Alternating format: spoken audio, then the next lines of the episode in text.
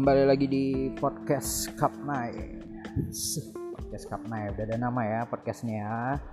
Jadi buat teman-teman yang dengerin, tapi kayaknya nggak ada yang dengerin sih, nggak apa-apa. Yang penting ngomong, yang penting ngobrol. Jadi ya ini selalu ya rekam dulu baru mikir, rekam dulu baru mikir. Soalnya kalau nggak direkam dulu nggak mikir-mikir lawak lagi. Ah apa ya? Kayak lagi deng uh, apa? Di Twitter lagi ribut nah, ribut di Twitter lagi ribut apa? Kalian pasti ada yang tahu juga. Lagi ribut soal ada selebgram yang bikin tweet bikin tweet gitu bikin tweet tentang uh, uh, anak yang membiayai orang tuanya. Oke, okay. pembahasan yang menarik ya, pembahasan yang menarik. Seorang anak yang membiayai orang tuanya. Nah di situ dibahas sebenarnya konteksnya, konteksnya dulu ya. Konteksnya itu dia hmm, dengerin curhatan ini temannya gitu cowok umur 28 tahun belum menikah ya ya nggak apa-apa sih. Apa masalahnya dengan belum nikah. Mungkin ya umur-umur segitu ya. Udah sangat melekat dengan kata-kata belum menikah. Mau jadi apa? Oke uh, ah gitu. Jadi temannya dia nyeritain temannya sih. Sebenarnya lebih subjektif.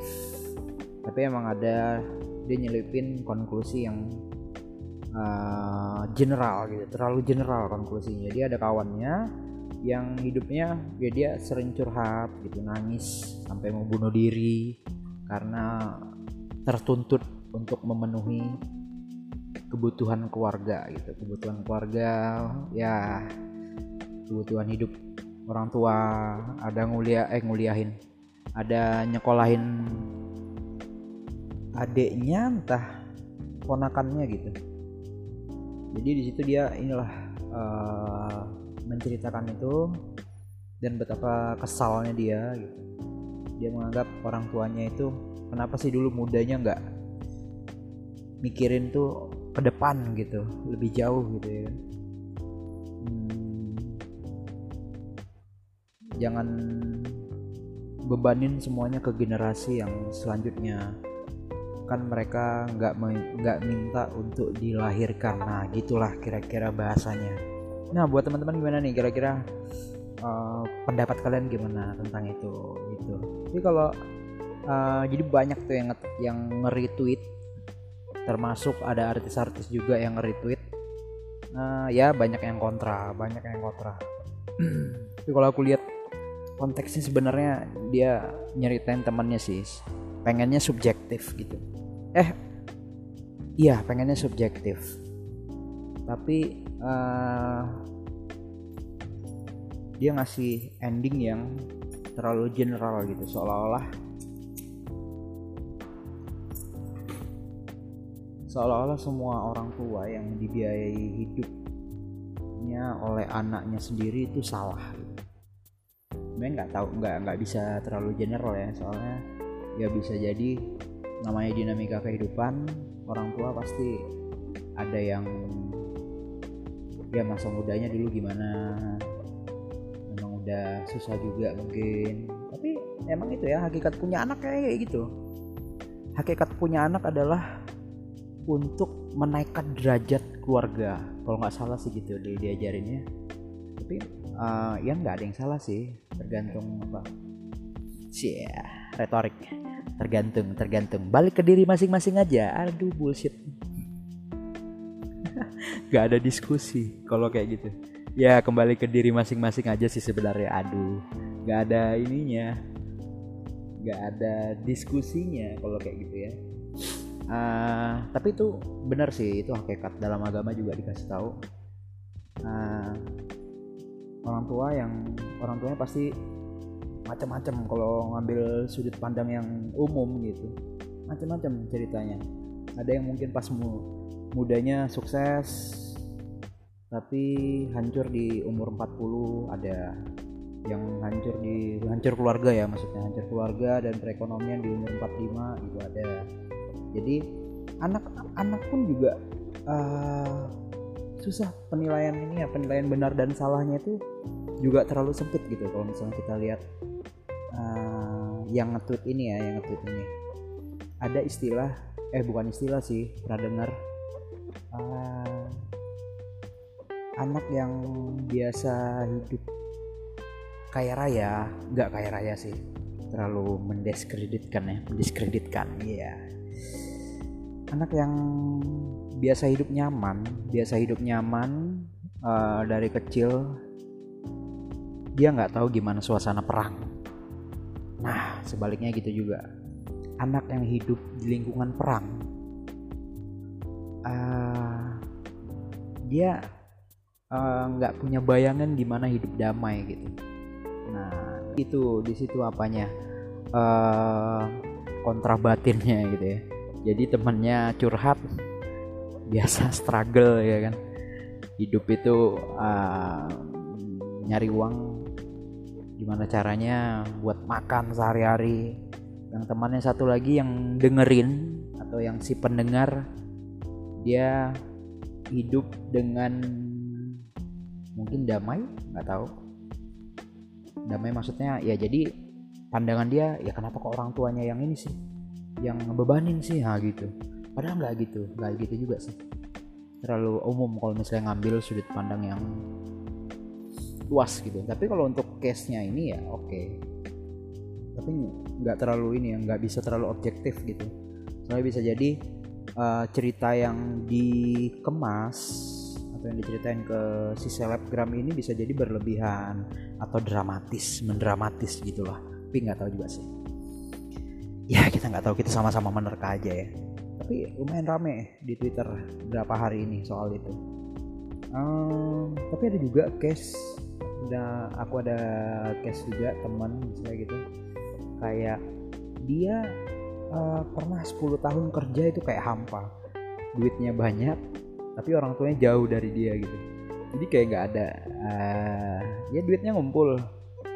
Tapi udah uh, dia nggak biasa nongkrong nggak biasa foya-foya. Jadi bingung sendiri malah ada tuh yang kayak gitu sudut pandangnya uh, ada orang yang dia kerja tapi orang tuanya nggak minta. Dia malah bingung. Nggak ada semangat kerja ya flat aja gitu. Nah dia malahan pengen orang tuanya deket dia orang tuanya deket sama dia. Terus uh, dia bisa ngasih sesuatu gitu buat orang tuanya. Berarti kan ada apa ya? Kebahagiaan gitu. Ada kebahagiaan. Dia uh, ngidupin orang tuanya dengan keadaan bahagia gitu ada kebahagiaan dia ngidupin orang tuanya. Aduh bolak balik aja ngomong dari tadi. Ya intinya berarti penilaiannya nggak bisa terlalu subjektif gitu. Oke. Sih mulai pinter. Gak lah ini sok pinter aja sih.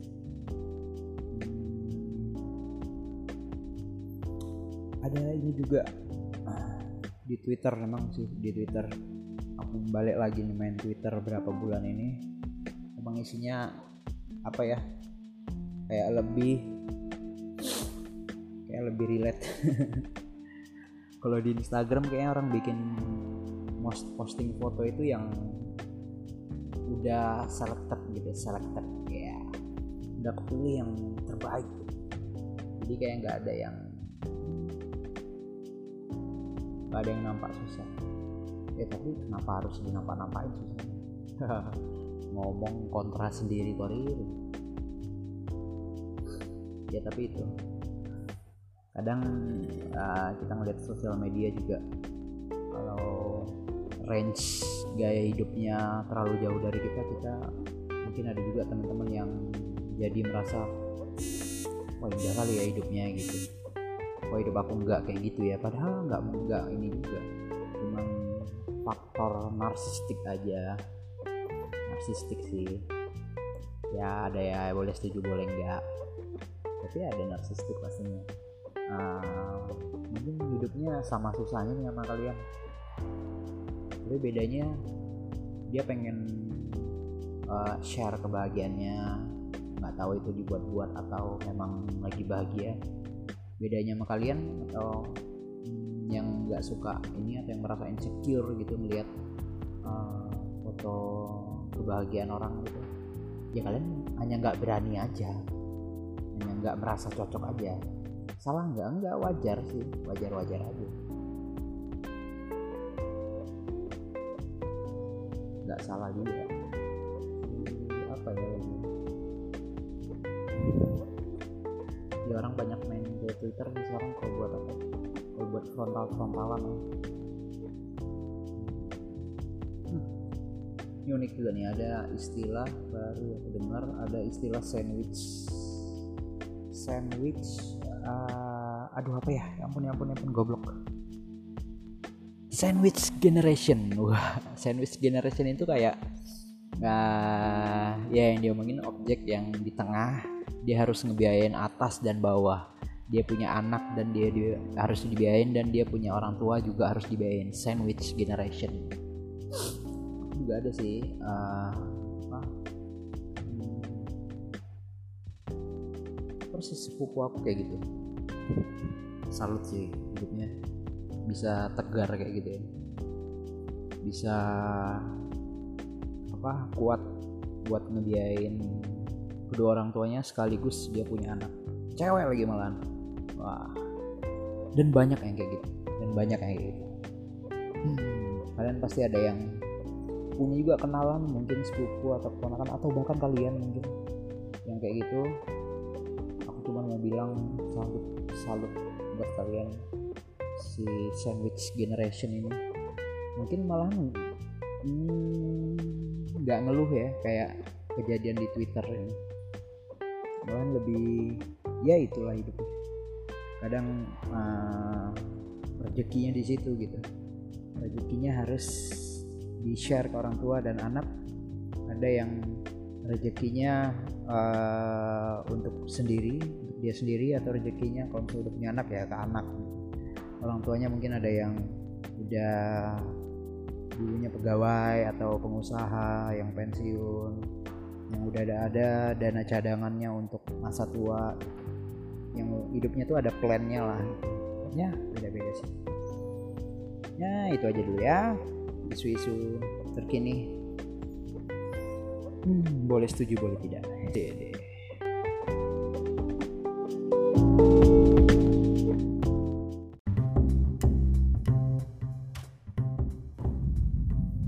Oke okay, sip, welcome back to podcast Kapnai ya tempatnya para freelancer freelancer uh, mengadu nasib. Uh, berarti freelancer sejenis freelancer freelancer. Sebenarnya yeah. nganggur tapi bahasa Bukan. yang lebih diplomatis okay, gitu. berarti kalau misalnya PSK PSK freelancer. Freelancer juga freelancer. Ya? jadi kayak anak bisa. gitu ya? Malam malam malam. Nah, kayak anak-anak Hanifa yang lagi viral. ya lagi viral ya kan? Malamnya lo tapi kita nggak nyebut Hana Hanifa PSK lo ya kau udah bilang udah enggak. Kan aku bilang Hanifa Hana kan freelancer kayak artis dia kan artis FTV freelancer juga dong. Iya, Gak salah kan? kerjaannya bisa ah, part time part gitu jadi banyak bisa banyak apa bisa banyak yang dijual bisa banyak profesi itu oke kali ini uh, Kapnai nggak sendirian ya. Ini bersama Mr. Egg. Uh, Mr. Egg ya kami lagi jalan ini mau ke Edukids dulu ya. Kita dari kita dari mana sih ini? Dari Rimbun. Eh dari itu bukan dari Rimbun. Ya, Aku kita... dari rumah. Ah. Terus jemput kau. Ya. Ke, habis uh, ke rumahnya Muksin. Produksi. Itu, hmm, habis produksi kue kan. Ya, kami jualan kue by the way. Nah, di situ di habis itu jemput kau, kau mau mandi dulu, ngantar kau ke rumah, aku beli rokok dulu. Siap. Kan banyak. Nah, itu sambil jalan tuh udah kalian udah udah lihat banyak kerja pekerjaan. Nggak jelas juga ah. apa. Ya seperti ah, kata, dia, kata di awal tadi freelancer. Ah freelancer mengadu nasib. Asal gitu, ya? Kan bisa kata gitu macam kamu asal apa? Enggak internet oke jadi ini kita dari uh, yang antar kue yang antar kue guys. Uh, biar muter dia biar muter. Jadi banyak lah yang lain juga gitu Ah, so, jadi kita mau ke mana nih, Mister X? Ke mana? Udah gede. Mau ke mana nih? Oke, kita nih sambil jalan ke Edu Kids mau ngobrol-ngobrol tipis-tipis ya kan. Nah, tadi uh, aku mau ngambil temanya Gak usah pakai tema udahlah. Uh, Jalanin aja dulu. Seperti ayam menurut gimana uh, tentang isu perjodohan di kalangan milenial?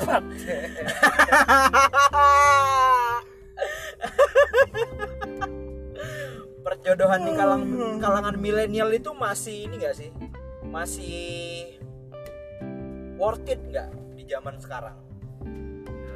Misalnya orang tua ngejodohin anaknya sama anak kawannya gitu zaman sekarang tuh gimana sih? Kembali ke diri masing-masing jangan kembali ke diri masing-masing aja. Ini, ini kan mencontohkan diri aku gitu. iya. kembali ke diri masing-masing. Jangan dijelasin redaksinya. Kan udah udah ya, bridging tadi. contohnya kan kayak ya kalau misalnya perjodohannya kan namanya taruh kita mengikuti syariat Islam ya nggak ada masalah. Just. tapi kan sebenarnya gini loh. Kalau misalnya dia kan namanya kenalan dulu. Taruh itu kan ada perkenalan perkenalan Tetap, dulu kenalan dulu Nanti jadi kan, yang jadi di dalam di dalam Islam itu kan uh, dulu pernah ada pernah baca dato negeri ceramah. Ah. gitu kan. Uh, boleh lah taruh dikasih waktu untuk ya kalau kata orang zaman sekarang PDKT dulu. Okay, itu PDKT maksimal ya kurang lebih enam bulan. Oh enam bulan 6 ya? bulan. Ah. itu kan kita untuk mengetahui nih uh, sifatnya oke okay, oke okay, oke okay, ya okay, nanti okay. cocok apa enggaknya sama kita. Ya sebenarnya dalam di dunia ini ya antara manusia itu nggak ada yang namanya cocok. Cuman kan tinggal saling melengkapi. Betul. Saling melengkapi yang perbedaan ada itu yang ada itu saling melengkapi. Nggak ada. Gue misalnya gini gue tipe gue yang kayak A B C D E. Nggak ada itu bullshit. Nggak ada zaman sekarang orang mau cari jodoh cari calon yang perfect. pendamping yang perfect sesuai tipe dia nggak ada kecuali dia cari rumah baru ada bangun aja sendiri pakai dis apa pakai arsitek gitu loh Ya kalau manusia udah kebentuknya begitu mau bagaimana? Siap, siap, siap, siap. Jadi fenomena perjodohan zaman sekarang ya masih oke-oke aja sebenarnya. Masih oke-oke aja. Tapi Cuman kan orang melihat taruh itu, orang melihat taruh itu seolah-olah dipaksa. Jadi, ya jadi, jadi gini, mindset orang zaman sekarang itu ah. kan taruh sama dengan uh, perjodohan yang dipaksa. Iya. Yang zaman kayak seperti zaman dulu lah. Ah. Kayak apa? Siti Nurbaya ya yang Siti Nurbaya. Jodohin sama siapa tuh namanya tuh? Oh, masih ada. Nah, itulah sama datuk-datuk itulah. Maringgi. Nah, datuk Maringgi. Datuk Maringgi. Nah, itu kan perjodohan yang dipaksa. Nah, kalau misal taruh ya barter ya, barter sama hutang ya. Betul. Ya kalau sebenarnya ada arti kan taruh itu kan ya kembali ke diri kita, kitanya mau apa enggaknya. Tapi menurut kok kan kita hanya dijodohkan. Nah, namanya kita dikenali. Tapi, ya, tapi tetap ada proses itu tadi sebenarnya. Orang pacaran aja kadang ada yang nah, setahun udah jadi nah, ini kok. Nggak pernah menjamin lo pacaran 10 tahun 9 tahun pacaran lama-lama belum tentu dia jodoh ya, ya contoh aja aku pacaran 4 tahun sama si X. Nah, lah kok kan X? X, X, apa sih hostnya X, X. eh sama X anjing eh sama X. Kalau aku kan X. Oke. Oke oke oke. Aku sama dia nggak pernah putus loh 4 tahun. Dan orang-orang teman-teman juga ber, eh, lingkungan sekitar beranggapan oh si Agung eh, si aduh jangan sebutin redaksinya. Aku malas ngedit loh. Si Mister Egg ini nah. uh, orang-orang sekitar beranggapan si Mister Egg ini uh, sama Betul. si mantannya Mister Egg inisial ini, inisial. A B M, M. Okay. Sama mantannya si Mister Egg ini uh, udah mati rasa nih. Udah nggak ada yang bisa udah nggak ada yang bisa mengakhiri lagi kecuali takdir dan orang tua. Okay, okay. tapi kan kebukti.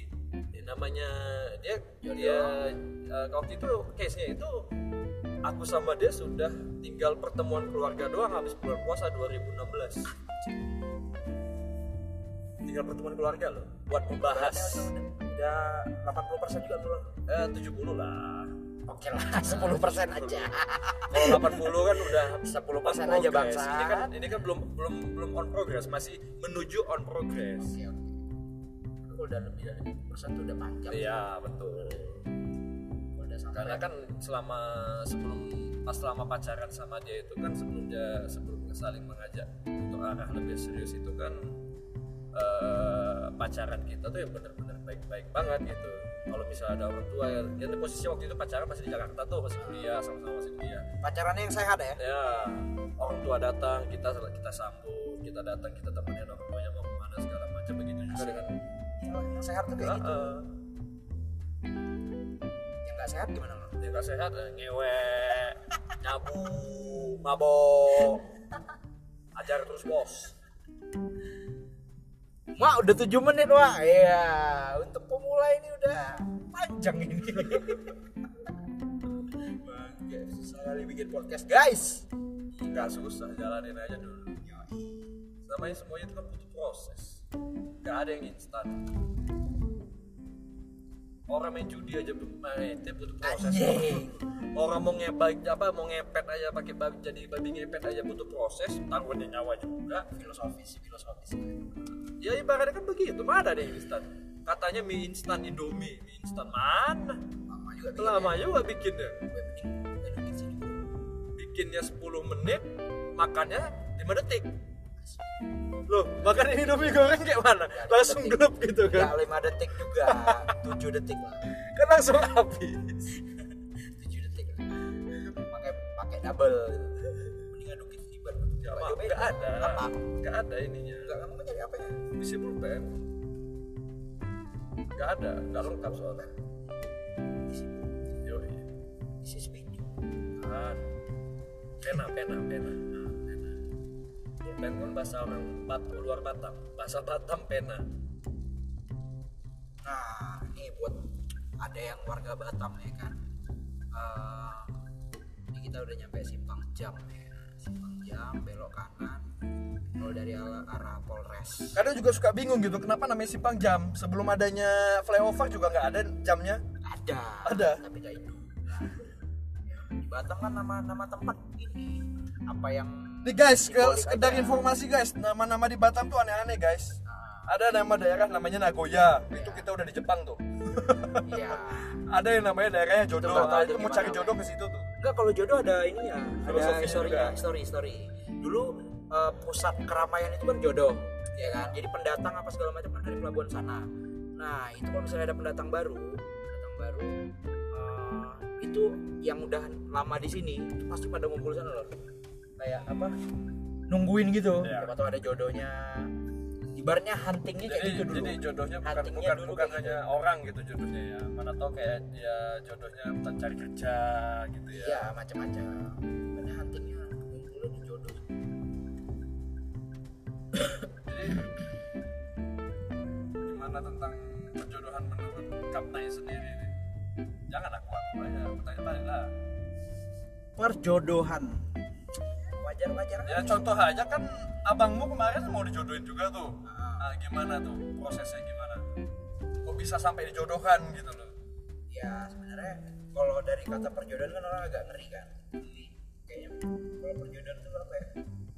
Eh, wajar-wajar aja kalau misalnya emang udah eh, individunya stuck gitu mau nyari mau nyari pasangan tapi kan susah kan nggak bisa tiba-tiba langsung ini kan ya kan jadi dia sibuk kerja apa segala macam jadi eh, lingkungannya ya, terbatas. tadi kan makanya kan ya tergantung masing-masing orang juga kan kembali ke diri masing-masing.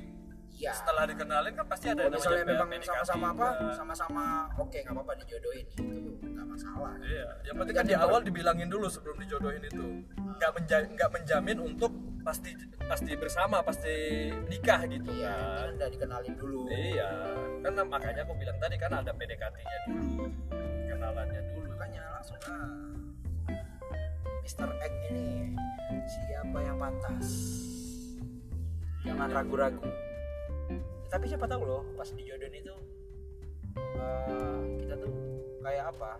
Terikat sama lingkungan kebiasaan kita lama. Terus nanti pas dijodohin ada orang baru kan otomatis masuk di kehidupan kita. Nah kita takut lingkungan lama kita kebiasaan lama kita tuh nggak cocok. Ah, kadang gitu. Orang takut perjodohan tuh kayak gitu sih. Ya bener. Makanya kan ya punya kebiasaan-kebiasaan lama yang. Selama PDKT itu kan kan Ya, sudah tahu, itulah sudah, sudah tahu sama tahu kan. Ini kan arahnya itu kan untuk eh, apa sih namanya untuk menikah gitu kan. Nah di situ kan ya se- sebenarnya kan lebih lebih memungkinkan sih untuk mengetahui lebih enak aja tuh kalau misalnya kita saling jujur kalau misalnya udah tahu nih kita akhirnya udah menikah gitu. Dibanding kita mau dibanding kita pacaran dulu. Kan kita kalau kalau kita pacaran dulu kan ya, kalau misalnya kita pacaran kan kita harus nutupin kesalahan kesalahan atau negatif negatifnya kita nah kalau misalnya kita udah tahu kita mau dijodohin kita malah justru lebih enak gak sih untuk apa mengeluarkan sifat-sifat negatif dan sifat asli kita dibanding kita jadi fake gitu kayaknya bukan mengeluarkan sifat negatif tapi itu proses pas proses itu Eh, lebih apa adanya lah kasarnya masa-masanya saatnya jujur gimana Iya. kita dia juga jujur gimana kasarnya tuh lebih apa adanya kalau kita Iya, betul dibandingin sekali. kita pas PDKT Oke. pacaran Oke, kita akan lanjutin nanti pas perjalanan pulang ke Tiban guys. Ini udah satu episode lumayan. Nanti kita kembali lagi di podcast Cup Night.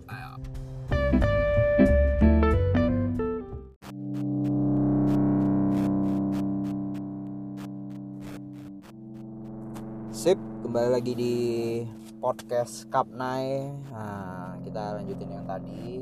Nanti bintang tamunya masih bersama Mr. X. Ya, dia lagi dia do kids ada yang mau dibeli gitu. Hmm, tapi apa ya kira-kira tema yang enak ya? Seperti biasa, rekam dulu baru mikir.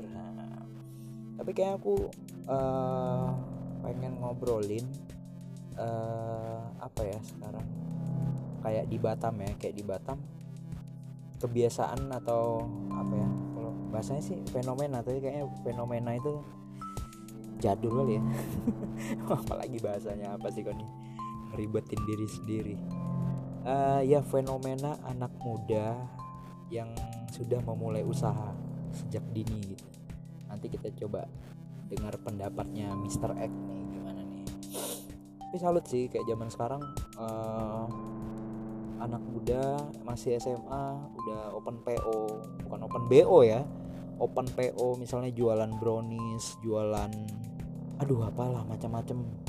Kayak makan makanan eh, yang biasa kita ketemu di restoran nah tuh bisa bikin sendiri gitu. Macam-macam. Mungkin karena ini juga ya karena eh, dorongan keadaannya pandemi kayak sekarang ini eh, menuntut menuntut kita anak muda untuk selalu kreatif gitu untuk selalu kreatif. Nah ini asik nih pembahasannya nanti kita akan tanya ke Mr. X. Kalau misalnya 10 tahun lalu kayaknya kebiasaan anak mudanya ya nggak tahu ya tapi ya tapi nggak tahu mungkin circle kami aja. Eh, nggak yang selalu mikirin produk atau kebiasaan jualan apa jualan baju sepatu apa kayak itu kayaknya jarang gitu. Nah kenapa kok bisa beda di zaman sekarang apa kira-kira faktornya gitu kok bisa salut tapi salut salut sama eh, teman-teman yang masih SMA atau baru lulus tapi udah kayak apa berpenghasilan gitu. Berpenghasilan udah berani buat branding diri sendiri buat eh, branding produknya mau itu kuliner eh, baju sepatu jualan laptop apa aja macam-macam sumpah. Itu salut sih kalau zaman sekarang kayak gitu. Kalau dulu kayaknya kami ya bukan mungkin ada sih yang udah dari dulu ada usaha juga mungkin dari muda gitu. Eh, ya banyak kan duduk di Prata malam minggu naik motoran naik mobil nongkrong Nagoya Hill entah apa aja kadangnya kalau dipikir-pikir balap. Tapi aku nggak maksudnya ikut-ikut aja gitu. Tapi pernah juga tuh nontonin orang balap aja bisa ketangkep dulu goblok emang. Goblok gara-gara nggak punya KTP males bikin KTP aduh bodoh orang udah punya pada punya KTP pas kena razia. Kena tangkap. Kena tangkap kami. Nggak sih nggak kami aku aja. Goblok sih emang.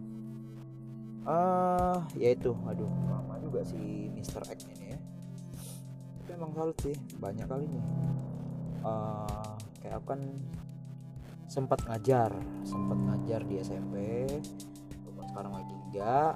Nah anak-anak murid aku dulu tuh di SMP ya di SMP di kota Batam. Kan berarti sekarang udah SMA udah kelas 1 SMA kelas 2 SMA kelas 3 gitu. Nah itu kan kami follow-followan tuh di Instagram. Nah ngelihat instastorynya waduh salut sih emang ada yang jualan kosmetik bener-bener yang apa ya bisa disiplin gitu. Tiap hari dia uh, apa jual produknya. Mungkin salah satunya juga platformnya ya platformnya udah ada cenderung gampang. Tapi bukan berarti gampangan ya tapi memang tersedia kenapa enggak gitu buat disalurkan gitu bakatnya. Terus uh, ya banyak lah makanya ada yang apa? Ada jasa jasa jasa Spotify Premium. Anjing ngeri ngeri ngeri. Sumpah. Aku nggak kepikiran gitu. Kok bisa gitu deh makanya aku pernah nanya loh itu bayar Spotify aku biasa 50 sampai 60 ribu kok? Sama kok bisa 20 ribu? Nah itulah pak kata dia dengan gampangnya. Oh siap siap. Nggak mau bagi-bagi link berarti. Nggak mau bagi-bagi link. Biar biar bisa monopoli ya kan? jadi ya aku lihat tuh belakangan ini ada uh, anak murid tuh uh, buka jasa Spotify Premium 20.000 anjing 20.000 Spotify Premium sebulan dua bulan malah jatuhnya lebih murah 50.000 eh 50.000 30.000 pandai. Bener-bener strateginya tuh naruh harga juga nggak main-main gitu. Bisa ya gitu ya. Atau mungkin ada ada ininya ada triggernya juga. Sebenarnya ada di balik itu orang yang ini yang apa yang punya bisnis atau punya caranya gitu.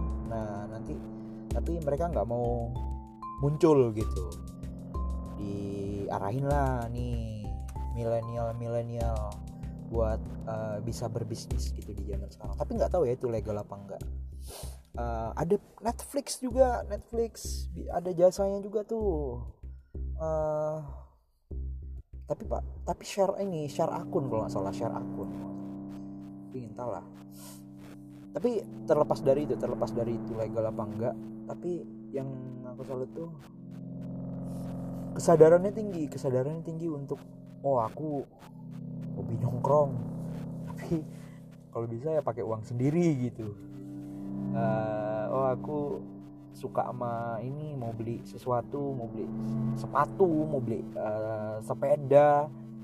Nah mereka tuh yang uh, punya barangnya tapi bukan cuman ini aja bukan cuman buat pamer-pamer aja tapi mereka nampak juga. Eh mereka kelihatan juga ada usaha gitu. Nah jualan baju second. Atau lah banyak ya. Uh, kalian gimana kalau misalnya ada yang dengerin ini? Kalau misalnya ada ya kalau nggak ada ya nggak apa-apa. Udah mau ngomong saja. Uh, kalian gimana tuh ngelihatnya? Di Instagram tadi Facebook di mana aja lah. Itu uh, relate nggak? Ada gitu yang masih muda belum umur 20 tapi udah jualan gitu. Macam-macam ya sekarang ada jualan hijab ada jualan kain aja kain tapi uh, warnanya banyak sama motif beda lagi tuh harganya. Bisa gitu ya. Oke ah ini dia. Mr. X sudah bergabung. Oke ini episode 2 ya. Masih kayak aku udah ngomong gitu. Sendirian Halo. sekalian belajar ini sekalian belajar ngomong sendirian. Oke, ya. aku dari tadi bahas uh, eh ini tempat kuenya gimana kau bawa apa tinggal aja? Bukan itu tutup kue yang buat menu tadi. Oh, oh kan nanti ke masih ke rumah adik. Oh iya ya ke sana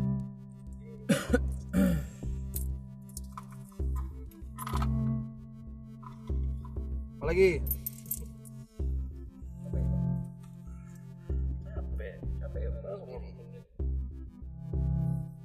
Bahas, lagi bahas ini uh, apa entrepreneurship di kalangan ABG ABG uh, gitu. Kayak ini kan kayak sendiri. Sih? Ya menu oh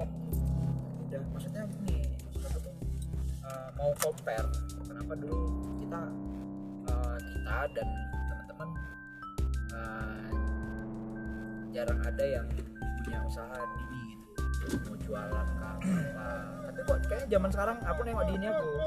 Di apa Instagram di Instagram kan banyak anak murid tuh. Supaya jadi konsum konsumtif semua. dulu. Ah itu maksud aku pandangan kok gimana? 10 tahun lalu kita ininya ngerokok ya kan Prata. nah, prata itu ya nah yang sekarang mereka nongkrong juga tapi jualan Nongkrongnya baju ini berfaedah.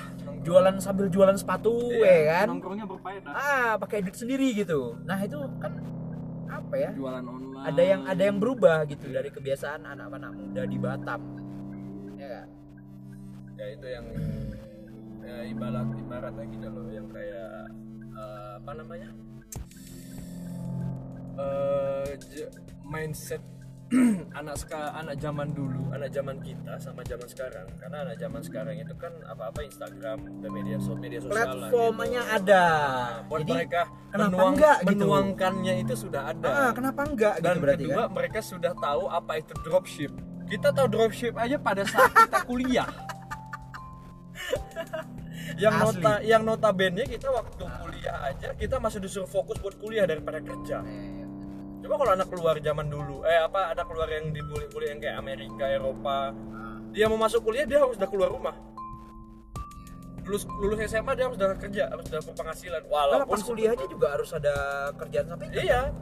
misalnya kayak libur musim panas mungkin eh, mungkin kayak musim dingin ya apa iya mungkin kayak misalnya.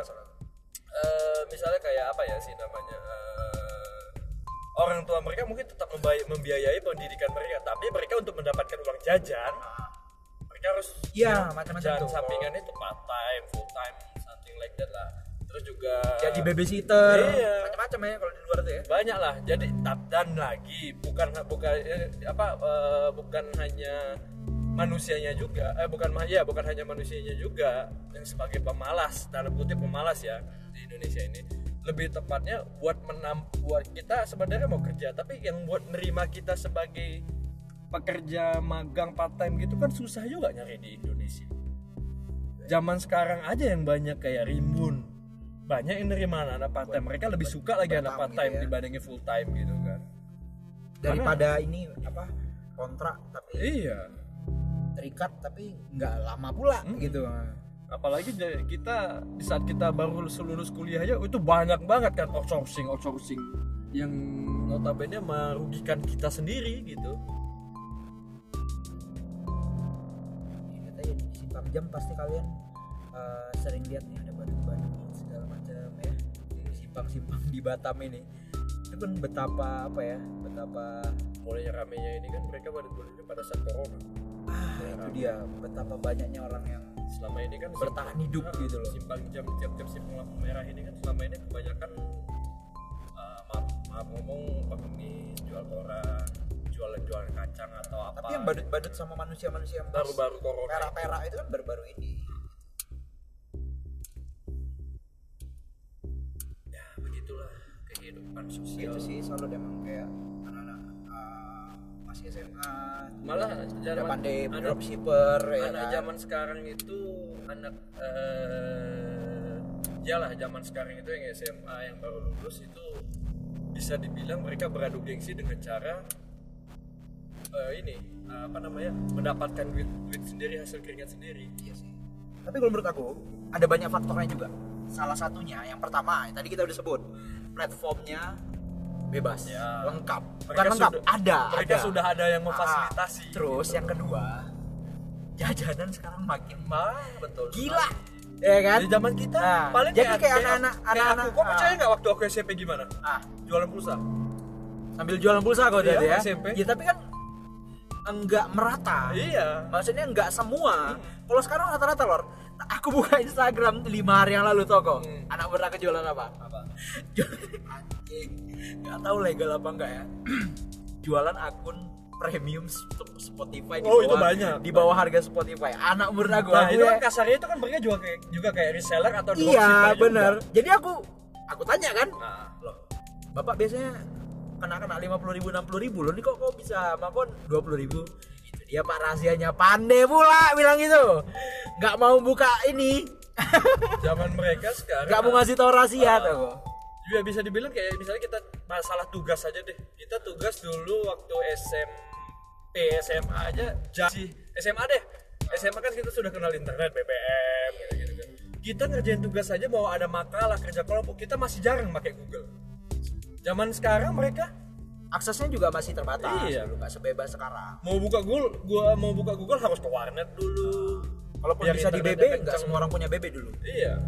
Nah, kalau kita kalaupun membuka Google dari BlackBerry gitu, eh, handphone kita misalnya BlackBerry. Lamanya minta ampun juga. Oh, Oh, ini dia. Sinyalnya Edge. One kilo anjing. Gila ya. Sekarang 10 tahun. Ya bisa dibilang ya kita mulai Berarti kan ini udah 10 tahun sampai eh 9 sampai Ini 10 kita jalan lalu kan baru kita, kan. kita satu tahun lagi 10 tahun ini. Asli. Aku ya. Oh. Kalau kau jalan dari. SMA. Makanya tadi aku bilang cari aman 9 sampai 10 tahun kita udah tamat SMA gitu. Dan eh, perubahan apa kebiasaan anak mudanya itu jauh gitu kebiasaannya. Tapi nggak tahu kita nggak bisa mengeneralkan semuanya. Mungkin ya di circle kita aja atau nggak tahu lah. Mungkin nanti pendengar nih boleh eh, apakah relate juga misalnya kalian kayak di Instagram apa yang jualan malahan yang muda-muda yang masih SMA gitu jualan kain hijab jualan sepatu itu mereka nggak nyetok mereka udah ngerti Eh, ada ada ada apa namanya itu ada orang- Wadahnya. ah, wadah yang mereka jualan mereka nggak perlu gudang Ah, bisa langsung pesan ada eh, customer ini Yang eh, penting punya smartphone, WA, distributor ya kan internet. langsung dari distributor langsung ke konsumen nggak perlu ke ini dulu nggak perlu ke dropshippernya Zaman kita Itu jualan udah ngerti-ngerti tuh mana orang. ada kayak gitu-gitu. nah yang kedua makanya aku bilang jajanan sekarang banyak macam-macamnya jadi itu yang juga uh, menstimulus ya menstimulus bangsa nah apa itu. Uh, anak-anak sekarang juga jadi pengen jajan banyak tapi mereka sadar mereka nggak uh, bisa semena-mena minta uang orang tua mereka. Jadi mereka harus usaha. Jadi salah satu pendorongnya itu aneka ragam apa jajanan-jajanan. Apa namanya juga sih sama anak murid aku. Kok udah seintens ini. Jadi eh, yang aku lihat disiplin. Kadang ada yang baru buka bentar-bentar updateannya nggak disiplin gitu kan. Nah ini ada yang buka disiplin. Main kosmetik kosmetik loh Banyak. aku tanya kan "Itu berapa omsetnya udah ya sebulan ini bisa 2 juta kan pak anjir nggak bilang guru honorer dua setengah juta cuma sebulan Karena mereka sebulan sebagai- bisa 2 juta di rumah aja sebagai reseller itu kan mereka dikasih keuntungan 10 sampai 20 persen kalau jualan kosmetik gitu. Ya anggaplah 10 persennya itu mereka dapat anggaplah 10 ribu bulannya gitu. Mereka bisa jual 200 pieces. Jadi Saya bertanya kan, uang segitu gua simpan apa gimana gitu kan? Jajan apa? Masih itu tapi, nah tapi wajar, nggak apa-apa. Seenggaknya mereka buat jajanan-jajanan hedon. mereka sudah tahu cara cara cara mendapatkan uang dengan sendiri itu Ah, mereka sudah ah. tahu. Nggak- Dibandingin zaman terlalu- kita dapetin duit sendiri. Balik Iya sih dulu ada juga, ya, ya jualan pulsa apa gitu ada. Dulu kan kan hebohnya ya itu zaman waktu kita zaman kita aja jualan pulsa tuh udah heboh banget. Oh, beli pulsa mana nih? Di situ aja. Akhirnya Itu tuh semua. Starnya jualan tuh, jualan pulsa tuh. Oke. Bangkrut kawan karena banyak hutang tidak dibayar guys nah itu dia Oh bayarnya besok ya besok Itu ya penting juga udah sih. dicatat pas udah diminta besok besok besok besok besok besok sering kan kita ketemu teman yang ya tolong yang dengerin ini ya. Di saat kawannya itu punya usaha tolong dibantu dibeli produknya. Minimal jangan. Jangan nawar. Minimal itu sudah membantu. Minimal jangan nawar itu sudah membantu. Entah itu nawar diskon minta korting 5000 10000 teman-teman sekalian. Anjing kok curhat udah kalian itu bukan himbauan. Minimal kalian itu nggak nawar kalian itu mau bilang eh aku mau beli produk kolah kalian itu udah membantu udah bikin cukup kita seneng.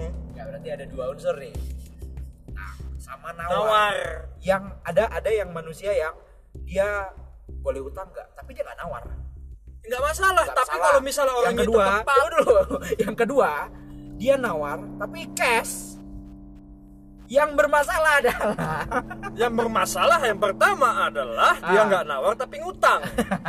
Kedua, dia nawar tapi langsung bayar cash. Nah, Setelah yang paling itu, parah yang paling parah yang paling parah udah nawar ngutang lagi. Sama satu, lagi, udah nawar ngutang nih. Eh, aku kan udah beli banyak, minta bonus tuh kan bangsat. Tolonglah, sudah tahu itu usahanya teman. Dibantu jangan nawar, jangan belinya banyak, jangan ngutang. Kan kalau kawan kalian itu sukses, usahanya kan kalian juga yang bangga. Kayak misalnya kami sebagai penju apa kami jual kue gitu, ini namanya Dogma. Nah, Dogma ini sukses misalnya oleh-oleh khas Batam lah kasarnya nanti suatu saat misalnya amin. amin amin Nah kan kalian juga yang bangga. Eh Dogma itu gini gini gini. Ih, itu kan punya kawan aku. Kan kalian juga yang bangga sebagai kawan awak eh kan? Jadi tolonglah yang dengerin ini Ya, kalau teman-teman kami. intinya intinya eh, mendukung dengan cara seperti itu ya Nah, kalau kalau pu- bukan punya teman kalian, misalnya kalian beli durian gitu di pinggir jalan, itu kalian nggak kenal penjualnya atau pedagangnya gitu. Ya kalau mau nawar suka kalian. perang lah tuh harga ya kalau punya kawan jangan ditawar. Oke, sip. akhirnya Karena aku pun nggak pernah yang namanya nawar punya kawan. Kalau gitu kayak kita, kalau ada member dari Rimbun itu kita pasti sob. Yang bu, yang member VVIP gitu. curhat kali gue ya lagi demo gue nih berapi-api ya Mr. Egg ya teman-teman ya. tapi kita eh, seenggaknya di podcast ini eh, akhirnya ada moral ada persoalan moralnya jadi Ini nanti sebesar- kamu mau buka usaha lagi, tolong dipromotkan saja. Kalian nggak beli nggak apa-apa, tapi dipromotkan aja daripada kalian beli nawar.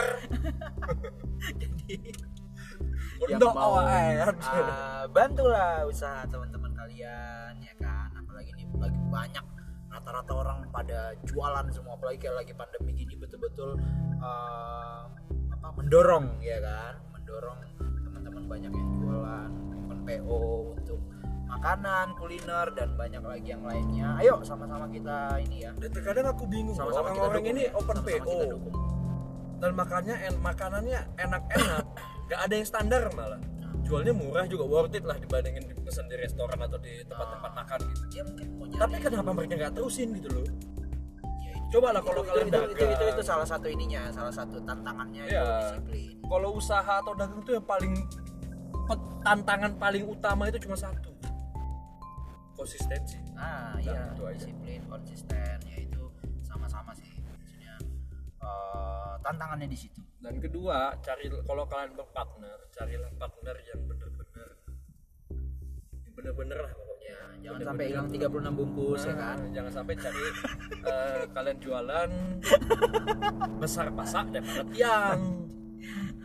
oke itu jadi eh, kita udah bahas tentang fenomena anak-anak milenial Batam yang lagi rame ya jualan-jualan mudah-mudahan selalu konsisten selalu disiplin jualannya lancar ya kan Punya partner yang Nah, bakal pas, punya partner yang yang ini cocok. dan bertahan lama. Nah, itu akhirnya ada moralnya podcast ini, guys. Thank you Mr. X. Kapan-kapan kita ini lagi ya. Oke, Mame. Nah, ngobrol-ngobrol lagi. Sip. Oke, assalamualaikum warahmatullahi